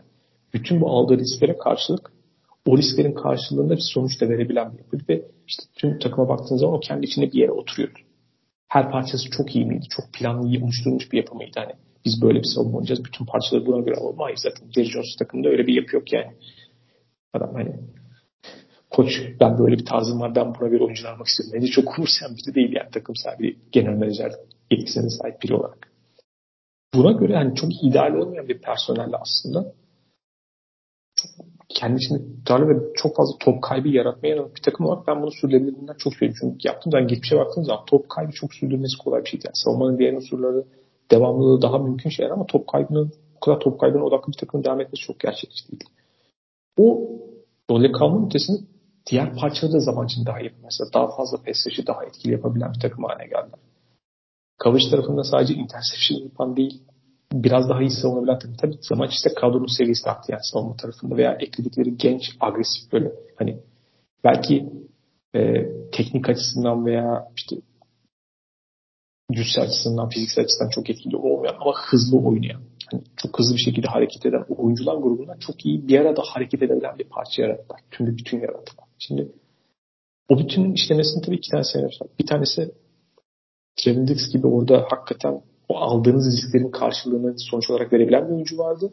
Ön tarafta da geri kalan her şey tabii ki orada başka kıymetli parçalar da var ama geri kalan her şeyin çalışması sağlayan Michael Parsons var. Ve Michael Parsons şimdi o kadar acayip bir oyuncu ki gerçekten Lawrence Taylor gibi tarihin en iyi oyuncusu tartışmasında yer alan bir oyuncuyla kıyaslamasını anlayabilirim. Yani Lawrence Taylor tarihin değiştirmiş bir oyuncu. Hakikaten hani insanların ya Lawrence Taylor'ı görüyorum ona benzerliği var. Gerçekten yakın hissettiği tek oynarken anlayamıyor. Çünkü o cüssede görece o çabuklukta ve o kuvvetli bir oyuncu akıl almaz bir şey.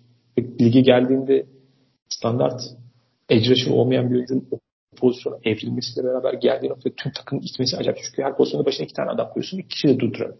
Ve bir anda bütün denklemi değiştirebilen bir oyuncu. Buna karşılık hani bu takımın bu sezon üzerinde iyi gösterdiği performanslara baktığımız zaman takımın aslında geçmişteki son iki sezondaki iyi performanslarının temelinde şöyle bir şey var.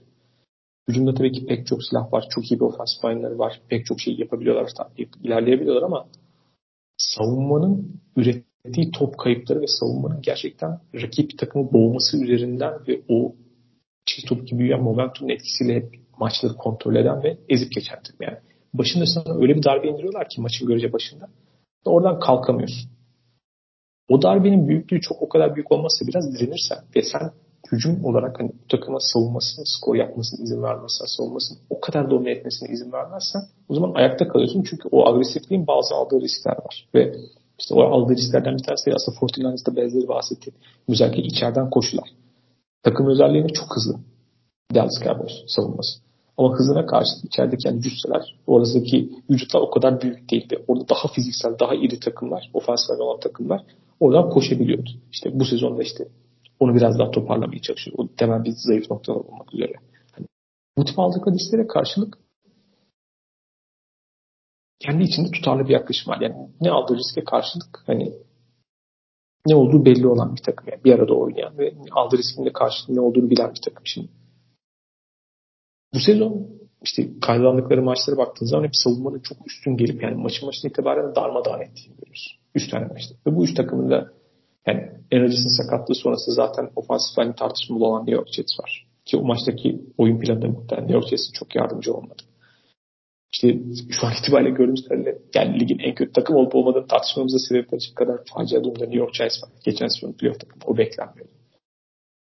Bill Belichick tarihin en kötü iki mağlubiyetini üst üste almış bir New England Patriots var. Şimdi yerli takımlar bunlar. Sezon başında galibiyet alır diye tartıştığımız Arizona Cardinals'a yenirken Arizona Cardinals'ın aldığı yani bu Dallas Cowboys'un aldığı riskleri cezalandıran bir hücum tarzı oynadı. Ve bu arada her şeyi olabildiğince detaylı çok iyi uygulayan bir takım. Yani Arizona Cardinals'dan benim daha acayip bahsedeceğiz herhalde. Muazzam oynuyorlar kendi kapasiteleri ölçüsünde. Bu vardı. Bu maçta da baktığın zaman hani Dallas Cowboys savunmasının aldığı riskleri bilen ve ona karşı cezalandırabilecek birazcık dikkatli, detaylı takımlar, birazcık işlevsel takımlar doğru planlarla belki geçmiş senelerde görmediğimiz kadar hani bir şekilde Dallas Cowboys savunmasının en azından şu anda gördüğümüz kadar biraz daha cezalandırabileceğini görüyoruz. Zaman içerisinde tabii ki başka takımlar oynadıkça buna hem Dallas Cowboys'un nasıl adapte olacağını göreceğiz. Hem de e, bunun ne kadar devam edeceğini göreceğiz. Yani bir yandan onlar buna karşı baş edebilecek ama görüntü biraz ne yaptığını bilen biraz daha üst seviyedeki takımlar en azından bu tarz oynayan bir takıma karşı onların o agresif yapısına karşı biraz daha dikkatli olarak onu cezalandırabiliyorlar gibi görünüyor. Çünkü neredeyse o Arizona Cardinals maçı bence çok daha iyi bir örnekti. Yani o bütün agresif bir şekilde gelen savunmaya karşı o agresifliğin riskini alarak hani biraz şey gibi e, çok iyi ileri çıkan bir futbolda kontratak takım gibi işte. Ön tarafa pres, öyle yan pas yaparak kendi sahanızda presi davet ediyorsunuz ama o presi belli bir noktaya geldiği zaman çok hızlı çıkabilecek bir durumunuz varsa arka tarafta boşlukları bulabiliyorsunuz gibi. Dallas Cowboys'ta biraz bu vardı. Çünkü Cowboys tarafında işte secondary tarafında hakikaten çok hızlı ve topa çok hızlı giden oyuncular var.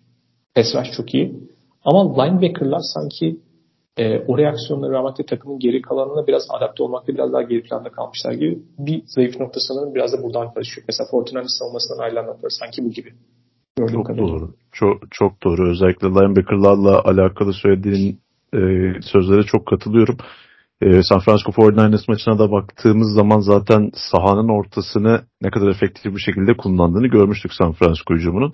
E, Cowboys defansında da e, linebackerların özellikle coverage konusunda çok yetenekli oyuncular olmamasının dezavantajını çok yaşadığını gördük. Şimdi orada Leighton Van Der Esch evet iyi bir koşu savunmacısı ama e, iş coverage'a geldiği zaman çok da iyi bir linebacker değil. Kaldı ki onu da sakatlığa kaybettiler. 4 ila 6 hafta arası kaçırması bekleniyor ve onun arkasındaki linebacker seçeneklerine baktığımız zaman çok zayıf bir e, linebacker grubu var. Bu konuda ne yapacağı çok tartışılıyor Cowboys'un. Hatta e, Dan Quinn, Micah Parsons'ı linebacker'a alma planından bahsetti. Yani takımın en etkili edge rusher'ını linebacker olarak kullanacaksa bu saatten sonra Cowboys savunmanın etkinliğinin daha da düştüğünü görebiliriz. Yani özellikle Trayvon Dix'in sakatlanmasının bu takımda yarattığı tahribat yani ön taraftaki baskı quarterback'e yetişmediği zaman arkada alınan bu riski cezalandıracak bir oyuncu kalmamı, kalmamasıydı. Yani Trayvon Dix burada e, rol alan isimdi, sahneye çıkan isimdi. Ancak onun sakatlığının ardından bu rolü üstlenecek bir oyuncu yok. Evet Stefan Gilmore hala verebilecek bir şeyler olan bir oyuncu ama kariyerinin daha önceki yıllarında e, gösterdiği o ball hawk özelliklerini şu an sahaya yansıtabilen bir oyuncu da yani o kadar hızlı bir oyuncu da değil artık. Bunun da e, büyük bir sıkıntısını yaşıyorlar. Ama bu linebacker attı önümüzdeki haftalarda da Cowboys'un biraz başını ağrıtacak gibi duruyor. Bir de şöyle bir şey var bence. Örneğin Fortnite'a bakarken hani bizim işte öngördüğümüz takımın gitmesi gereken yön bu. Hani temel prensipleri bu olacak bir takım. O yüzden buna göre bütün pozisyonlara göre parçalayacağız. Yani işte her aşamada ne tip oyuncular istediğini görebiliyorsun. Artısıyla eksisiyle hep o tek bir vizyondan çıkan bir takım mesela. Cowboys öyle bir yapıdan gelen bir takım değil. O yüzden Cowboys'un belki bu seviyede performans göstermesinin ben uzun süre biraz bu konuda şüpheci olmamın sebebi şuydu yani. Şimdi bu takımın sahibi Jerry Jones'lar. Gördüğünüz gibi siz en hani az Yıldırım gibi bir karakterden bahsediyorsak her şeyi kontrol eden, her şeyi kendi karar falan biri yani tartışma olmaz. Şimdi Jerry Jones'un genel menajer olduğu dünyada her zaman işte takımın işte koç kararlarına biraz karıştığı veya biraz yönlendirmeye meraklı olmadığı işte personel kararlarına yani orada sanki işin sahibi olan ve gerçekten konu uzmanı biri karar veriyor gibi olmuyor Cowboys'ta. Şöyle bence iyi bir şey var. Zaman içerisinde artık nasıl ikna etlerse Jerry Jones'u. Jerry Jones artık böyle e, parıltılı, şaşalı hücum oyuncuları veya işte for, amiyane tabirle forma sattıracak oyunculardan çıkıp gerçekten hani en azından özellikle üst turlarda en iyi oyuncular kimse bizim e, scout ekibimizin belirlediği onları alalım seçeneğini döndüğünden ve son oyunda en azından biraz daha tutarlı bir takım var gördüm. Sen bunlardan en kick noktalarını zamanında onun için saydım işte e, Manziel'i aslında draft etmek istiyordu ama sanırım onu işte e, front office ekibi ikna ediyor. Sen o draftta mıydı? E, Guard'ların draftında aldıkları ilk turdaki guard e, Zach e, Martin. Zach Martin o drafttaydı mi yanlış hatırlamıyorsam mesela. 2016 mıydı o draft ya 2000, 2014 sanki. 14 mü? O zaman evet Zach Martin'dir. Mesela onun gibi aslında dönüşüm noktaları var Dallas Cowboys'un biraz organizasyon. Yani en azından işte başka bazı takımlardaki gibi yani biz bu sisteme göre bu tip oyuncular alacağız ve buna göre takım oluşturacağız yapısından ziyade en azından bir sürü iyi oyuncuyu toplayarak geri kalanları kadar bir sistemi belki entegre olarak yapamıyorsun. Yani orada başka bir ekstra bir seviye daha ileri gidebiliyor bu tip takımlar. Ne Fortnite'sı, Eagles'ın da kendi prensipleri var. Ona göre bir seviye öteye gidebiliyor oyuncu grubu olarak mesela savunmasında. Ama şeyin yok. Yani Cowboys sürekli yeni iyi parçalar ekleyerek bunlardan ya biz bu parçalardan biraz daha ne yapabiliriz takımı? Yani baktığın zaman e, mesela geçen sezona göre sıkıntı neydi? İşte ikinci bir iyi cornerback, ikinci bir seçenek olması lazım işte. Trevin Diggs yükseliyor. Biraz daha böyle sağlam, iyi coverage, işte birebir de adam tutabilecek. Yani daha farklı özellikte olan. İşte Stephen Gilmore çok iyi bir seçenek. Doğru ekleyelim. İşte defensive line'de biraz daha cüsseli, burada koşu savunmasında etkili olacak bir oyuncuya ihtiyacınız var. İşte drafttan Mazis'ini ekleyelim. Hani biraz böyle böyle parça bekliyor. Tüm bütün parçasına göre böyle bir sistem tasarlayacağız. Bu kolay değildir bu arada. Yani bu her zaman çalışacak bir şey yok ama örneğin Fortinanders ve Eagles'a göre bence bir tık bir böyle e, yarım tık geride değil. En azından olmalı. Bir faktörü de bu yani. Bu tip parçalardan hep böyle bir şeyleri toparlamaya çalışıyorlar. Onlarsa geri kalan takımlarsa yani en üst takımlarsa biraz daha aynı sayfada biz buna göre her parçayı belirlediğimiz kriterlere göre alacağız derken Deskobus böyle teker teker o parça ekliyor. Ki bu aslında Deskobus'un eskisinin kıyasla biraz daha iyi bir şey bile yani. Orada da hakkını verelim. Bence oradaki işte e, de facto GM pozisyonunda olan aslında personel kararlarındaki Will McClay'e biraz daha e, kararları bırakmasıyla alakalı Jerry Jones'un yaptığı bir şey. Yani. O olmasa muhtemelen daha da saçma sapan kararlar görebilirdik yani. Ama en azından bu sahede bir sürü yeteneğin oldu. Oldukça iyi bir takım olmuştu. Ama 49ers ile Eagles'tan seviye bu konuda geride kalıyorlar bence. Bir gördüğüm bir şey bu açıkçası. Savunmayla alakalı son enteresan bir not. E, bu takımın geçtiğimiz yıl en çok zorlandığı alan savunma konusunda koşuyu durdurmaktı. San Francisco 49ers'la oynarken de en çok zarar görecekleri noktanın bu olmasını beklersiniz. Ancak aradaki farkın EPA'ye bölündüğü bir senaryoda e, koşu defansının buna katkısı artı 4, pas defansının eksi 19.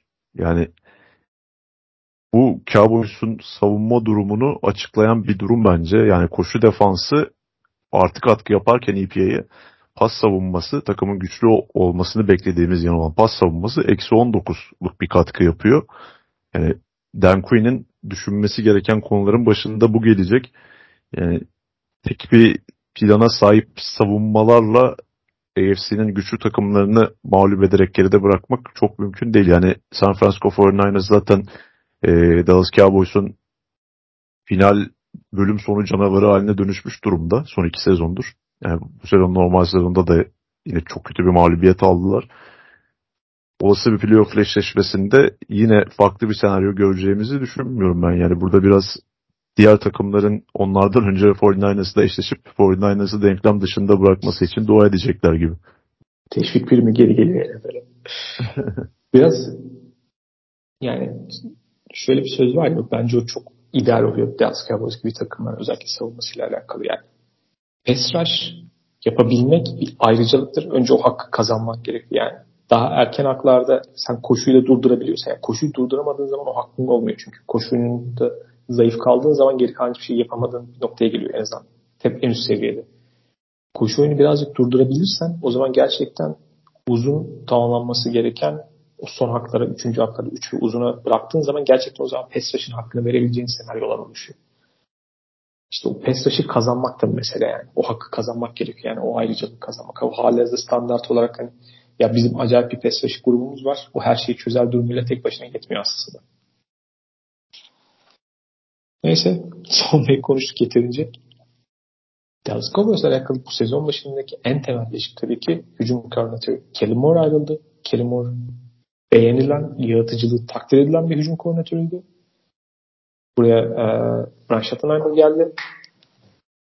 Daha da önemlisi play caller rolünü head coach Mike McCarthy aldı. Ve Mike McCarthy Packers'ta hücum tarafında yapının modernlikten artık köhne bir hale gelmesiyle e, özdeşleşmiş bir isim. Şimdi şu zamana kadar gördüğün senaryoyu gördüğünde nasıl bir şey bekleyeceğimle alakalı söylüyorum. Çok temel iki tane nokta var sanırım.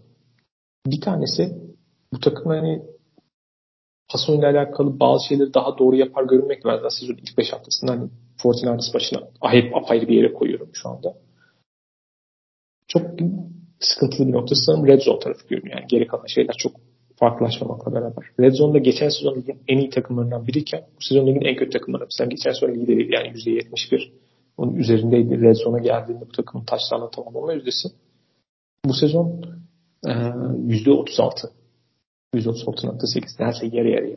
Yani ve o 7 ile 3 çıkmak arasındaki fark o kadar belirleyici bir takımın performans açısından ve maçı götürmesi açısından özellikle de en üst seviyedeki maçlara rakiplere karşı. Yani tamamen domine etmediğiniz maçlarda.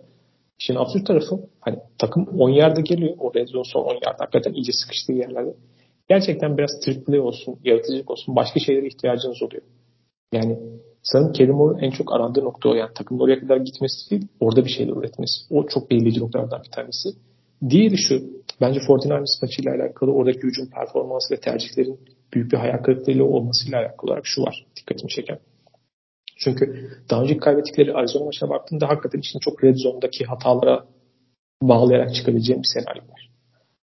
Bu maç üzerinde ise Mike McCarthy'nin gelişiyle alakalı ne bekleyeceğimle alakalı çok umutlu olmamakla beraber gördüğüm şöyle bir şey vardı. Bu da New York Jets maçına denk geldi. Çünkü New York Jets'in savunma yapısı ligin potansiyel olarak en üst, savun, en üst seviye savunmalarından bir tanesi. Nasıl performans olarak şu anda hani belki en iyisi değil ama en iyilerinden bir tanesi.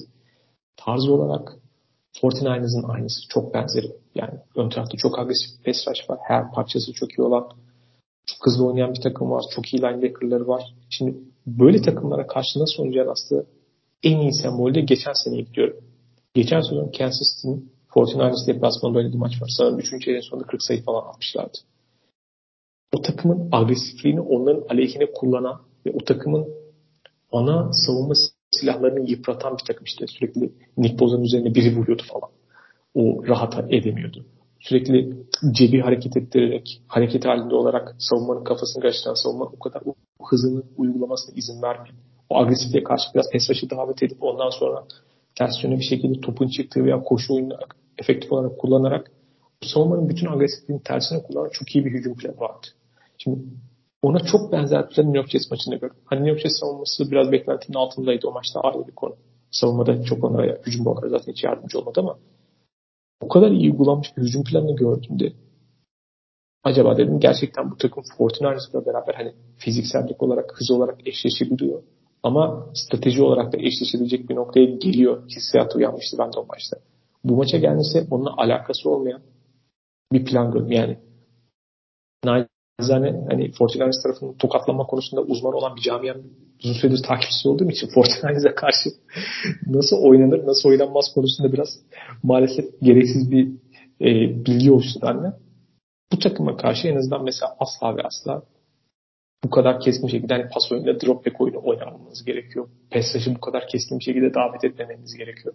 Koşuyu asla bırakmamanız gerekiyor. Yani 2 yard, 3 yard vesaire ondan asla vazgeçmemeniz gerekiyor ve maçın sonrasındaki fırsatları açmak için belki maçın drive'larını ona göre oynayacak bir planlama. Yani size çok az hata marjı bırakan bir takım. Ona göre ne yapacağınızı çok iyi planlamanız ve bazı şeyleri normaldeki belki rahatlığınızdan kendi konforunuzdan çıkarak başka şeyleri yapmanız gerekiyor o takıma göre adapte olarak. Buna göre yapılmış ve uygulanmış sonuç almış şeyler de gördük. Son birkaç Bir tanesi o maçta bahsettiğim. Örneğin bahsettiğim Jets maçındaki Dallas Cowboys'un hücum planı muhteşemdi. Yani top hep kısa mesafe çıktı, top hızlı çıktı. E, press snap motionlarla sürekli savunmayı diken üstünde tuttular falan. Bir sürü şeyi muazzam yaptı takım. Bu maçta ise ya yapması gereken tek şey aslında temelde o planın benzerini uygulamaktı. Onunla alakası olmayan dağınık bir takım gördüm ve bence Dallas Cowboys'un hücumuyla alakalı hayal kırıklığının ötesinde endişelenmeme sebep olan durumda bu görünüyor. Bilmiyorum senin en azından sezonun ilk 5 haftası itibariyle Mike McCarthy'nin play caller olduğu Dallas Cowboys hücumuyla alakalı izlenimler neler? Berbat. yani o bahsettiğin New York Jets maçı hariç e, tek kelimeyle berbat bir hücum görüntüsünde Dallas Cowboys ve Kevin Moore'un takımdan gönderilmesinin ne kadar kötü bir karar olduğu her geçen gün bence daha da belli oluyor. E, dün Las Vegas Raiders Green Bay Packers maçında da bahsetmiştim. E, Raiders'ın da uzun zamandır böyle eski kafalı hücum, sözde hücum gurularını takıma getir, koç olarak getirmek gibi bir adeti oluştu. Gruden arkasında işte Josh McDaniels. Cowboys'ta da benzer bir durum söz konusu. Yani Mike McCarthy'nin play caller olduğu bir takım hücumda bundan fazlasını nasıl verecek ben gerçekten çok merak ediyorum. Ee, takımda quarterback'i elverişli pozisyona çıkartmak ya da quarterback için elverişli pozisyon hazırlamak gibi bir durum kesinlikle söz konusu değil. San Francisco 49ers'la en büyük ayrıştıkları nokta bu bence. Ee, bir tarafta karşılayan Brock Purdy için en elverişli durumları hazırlayıp işte yüksek yüzdeli pas opsiyonlarını ona sunarken e, Dallas Cowboys tarafında tam tersi bir durum söz konusu. Dak Prescott'ın her seferinde 50-50 topları zorladığı, hani birebir savunma olmasına rağmen 50-50 topları zorladığı, e, tam olarak separation'ı sağlayamamış receiver'lara attığı pasları görüyoruz. Yani burada fatura tabii ki Mike McCarthy'ye çıkacak. E, çünkü çok temel ve çok e, demode kalmış bir hücum sistemi oynatıyor Dallas Cowboys'ta. Sezon başındaki beklenti neydi? Kendi yaptığı açıklamalarda daha fazla işte koşuyu ön plana alacağız. Koşu üzerinden ilerleyen bir hücum inşa edeceğiz demişti. Ancak geldiğimiz noktada Tony Pollard'ın birinci running back olduğu hücumun koşmakta da zorlandığını görüyoruz. Şu an geride kalan 5 haftada Pollard'ın 100 yardı geçtiği sadece bir tane maç var. O da kaybettikleri Arizona Cardinals maçı. Ee, yani bu takıma farklı özellikler, farklı e, şeyler sunabilecek bir running back daha eklenmesi gerekiyordu. Bu kadro inşası konusunda çok büyük bir eksi yazdı bence Cowboys'a. E, Red Zone'daki sıkıntılarından bir diğeri de bu oldu bana kalırsa. E, Ezekiel Elliott her ne kadar artık yani futbol onu bırakmış gibi gözüküyor. Evet o konuda ben de aynı şekilde düşünüyorum ama geçtiğimiz sezonki Cowboys'ta özellikle kısa mesafe koşularında ve red zone içerisindeki katkısı oldukça fazlaydı. Yani Pollard o tarz bir oyuncu değil zaten. Bu biraz e, red zone'daki sıkıntılarına ekstra bir şeyler eklemiş gibi düşünüyorum ben. Ee, öte yandan hücum tarafına gelecek olursak yani pas hücumuna gelecek olursak daha doğrusu pardon. Dak Prescott şu an günah keçisi ilan edilmiş durumda. Çünkü neden edilmesin? Dak Prescott'ı eleştirmek her zaman için medya tarafında daha çok para eden bir durum. Ee, siyah kök kazınsı olarak onunla dalga geçmek bayağı meşhur. Yani evet Dak Prescott bu maç özelinde iyi oynamadı ve sezona da belki beklentin biraz altında başlamış olabilir. Ama Dak Prescott bana kalırsa hala bu ligin e, iyi quarterbacklerinden bir tanesi. Sadece şöyle bir e, sıkıntı var. İnsanlar Dak Prescott'tan üst seviye quarterback performansı bekliyor. Yani e, onun için hücum koordinatörünün ya da play caller'ın hazırladığı oyunlar dışında da bir şeyler yapmasını ve e, kusursuz mükemmel bir quarterback performansını bekliyor. Yani Dak Prescott bu değil. Dak Prescott iyi bir quarterback ama e, Mahomes gibi, Josh Allen gibi işte iyi bir Joe Burrow'un yaptığı gibi kendi başına yaratabilen ya da e, tamamlanması çok zor olan dar pencerelerde topları receiver'larıyla buluşturabilecek kapasitede e, bir quarterback değil. Onun için ona elverişli uygun pozisyonlara hazırlayacak bir play caller'a, bir ofansif koordinatöre ihtiyaç duyuyor. Geçtiğimiz sezon bu vardı Kellen Moore'la beraber. Ancak bu yıl baktığımızda Mark McCarthy'nin e, hücumu o kadar statik ve o kadar e, günümüz NFL'inden uzakta bir pas hücumu ki özellikle. Yani bu maçta bir pozisyon var San Francisco 49ers maçında. Sahanın aynı tarafında 3 tane receiver aynı noktada aynı anda slant koşuyorlar. Yani çok kötü bir görüntü yani. Nasıl boşa çıkmasını bekliyorsunuz ki bu Mike McCarthy'nin Packers'taki son senesindeki lakabının slant slant McCarthy olduğunda He, onu bilmiyordum mesela ama şu an örtüşüyor bu bilgiyle yani benim sahada gördüklerim. E, bol bol cover one oynayan 49ers defansı olduğunu söylemiştik. Yani bunlara karşı o kadar düz rotalar, o kadar düz konseptler oynadılar ki yani tamam e, Brandon Cooks hızlı bir receiver. İşte CD Lamb iri ve 50 toplarda başarılı olabilecek bir receiver ama yani hiçbir şekilde bu receiver'ları boşa çıkartacak ekstra bir katkı görmedim ben Mike McCarthy'den. E, bu da bana kalırsa Dak Prescott'tan daha çok sorumluluğun Mike McCarthy üzerinde olması gerektiğinin işareti.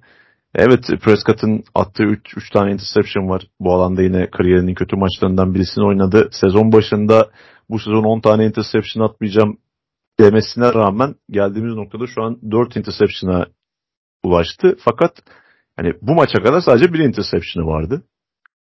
Şimdi Dak Prescott'tan e, yüksek performans beklemek tabii ki herkesin hakkı ama yani 49ers'a karşı oynuyorsun.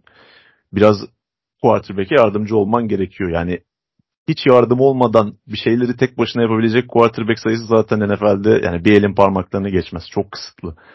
Prescott'a iyi bir e, hücum koordinatörü, iyi bir koçluk gerekiyor. Yoksa yani kötü bir quarterback olduğunu ben hala kesinlikle düşünmüyorum.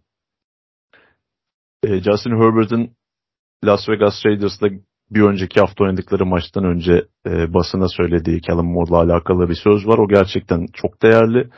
E, Callum Moore'un gelmesiyle birlikte artık biz sahanın tamamını kullanan bir takıma dönüştük demişti.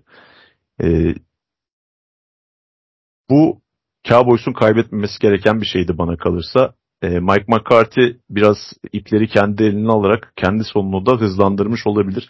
Hücum performans vermemeye devam ederse ya Dak Prescott'ın geleceği illaki tartışılacak ama e, Mike McCarthy'nin de koltuğu bayağı bir ısınacaktır. Bugün Jerry Jones da Prescott'la alakalı yine olumlu konuşmuş.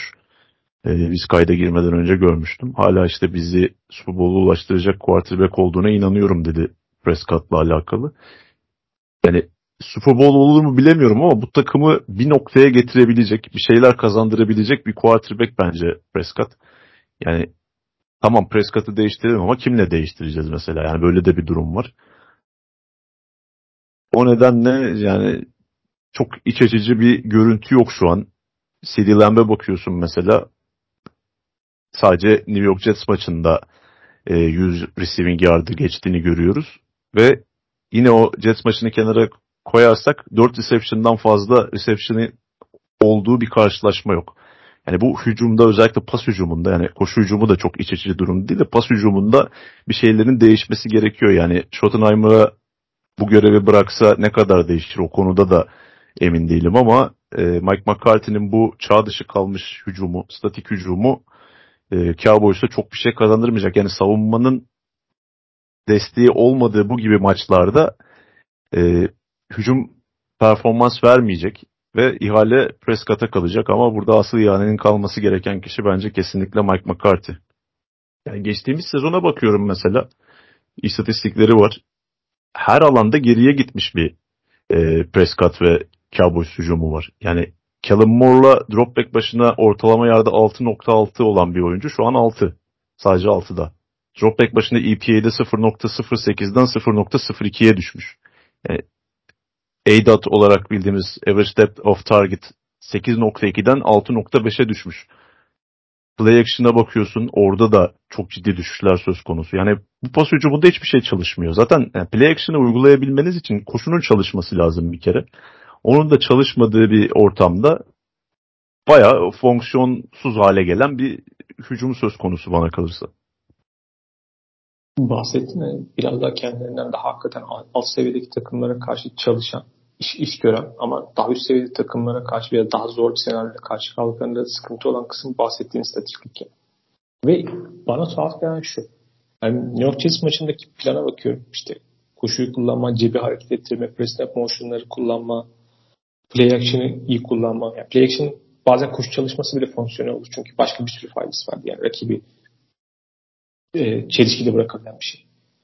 Bunları yapmış olan yani o maç üzerinde hani o zaman maçta mesela o plan olarak görmesem hani evet 5 sene öncesindeki Mike McCarthy'nin hücum planı zaten böyle bir şey derim ve geri kalan anlayayım. Hani bunları yapabilen ve quarterback'ine yardımcı olan bir takımın bunları yapmıyor olması bana tuhaf geldi bu Fortnite maçı üzerinde. Yani onu biraz algılamakta zorlanıyorum. Yoksa hani maçta bir şey çalışmadığında ondan vazgeçip bir panik halinde mesela 2-3 tane derin topu zorladıkları ama yani neye göre attıklarını düşünmedikleri falan pozisyonlar vardı. Dak Prescott mesela baskıdan kaçmak için cebin dışına çıkıyor ama plan yok. Yani bunun gibi şeylerin olması yani cebin dışına taşıyarak cebinde Dak Prescott'ı o mobilitesini kullanarak gerçekten aslında fark etmiş. Yani Dak Prescott'ın çaylak sezonunda o mobilitesi çok fonksiyonel bir şeydi. Yani onun ligin en iyi en azından performans veren quarterbacklerinden bir tanesiydi.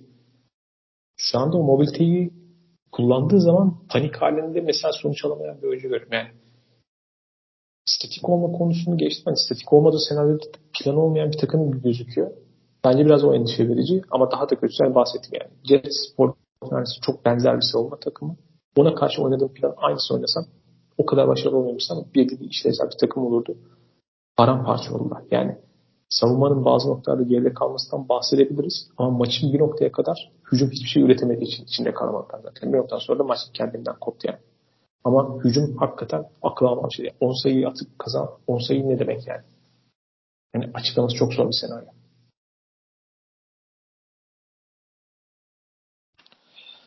Bilmiyorum bu takımın için Super Bowl yolu yani Jerry Jones yeni ayak kırıklığına herhalde Dallas Cowboys'un işte yani artısıyla eksiyle en çok tartışılan takım.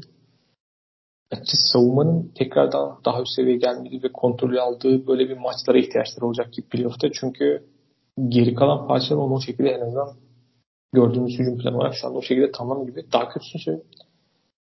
Philadelphia Eagles sezonun şu aşamasına kadar çok iyi gözükmemekle beraber mağlubiyet yok. Muhtemelen Division'ı kazanma noktalarında önlerinde iyi fırsat olmuş durumda. Hani kim daha iyi daha kötüye geçmeden söylüyorum. Division'ı kazanamadığı senelerde Dallas Cowboys muhtemelen 5. sıradan girecek. 3 tane deplasman maçını kazanması gerekiyor ki Super Bowl'a gitsinler. Bir de önlerinde böyle bir senaryo var artık yani. İşte gittikçe daha zor gittiği bir durum var önlerinde. Ya benim bu sezon hiçbir beklentim yok Cowboys'tan açıkçası yani Super Bowl anlamında. Çünkü geçtiğimiz yıla göre daha kötü bir takım görüyorum ben. Yani savunmada belki geçtiğimiz sezonki performanslarına yine yaklaşabilirler. Trayvon Dix olmasa bile ancak hücumdaki mevcut yapı ve sistemle yani işleri çok zor bana kalırsa.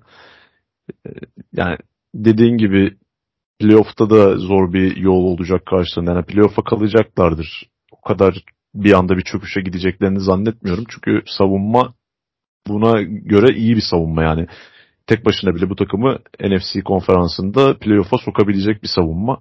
Ancak oradan sonrası ne kadar yeterli olacak? Yani en başında bir kere zaten 49ers'la kesinlikle denk gelmemeleri gerekiyor bir daha.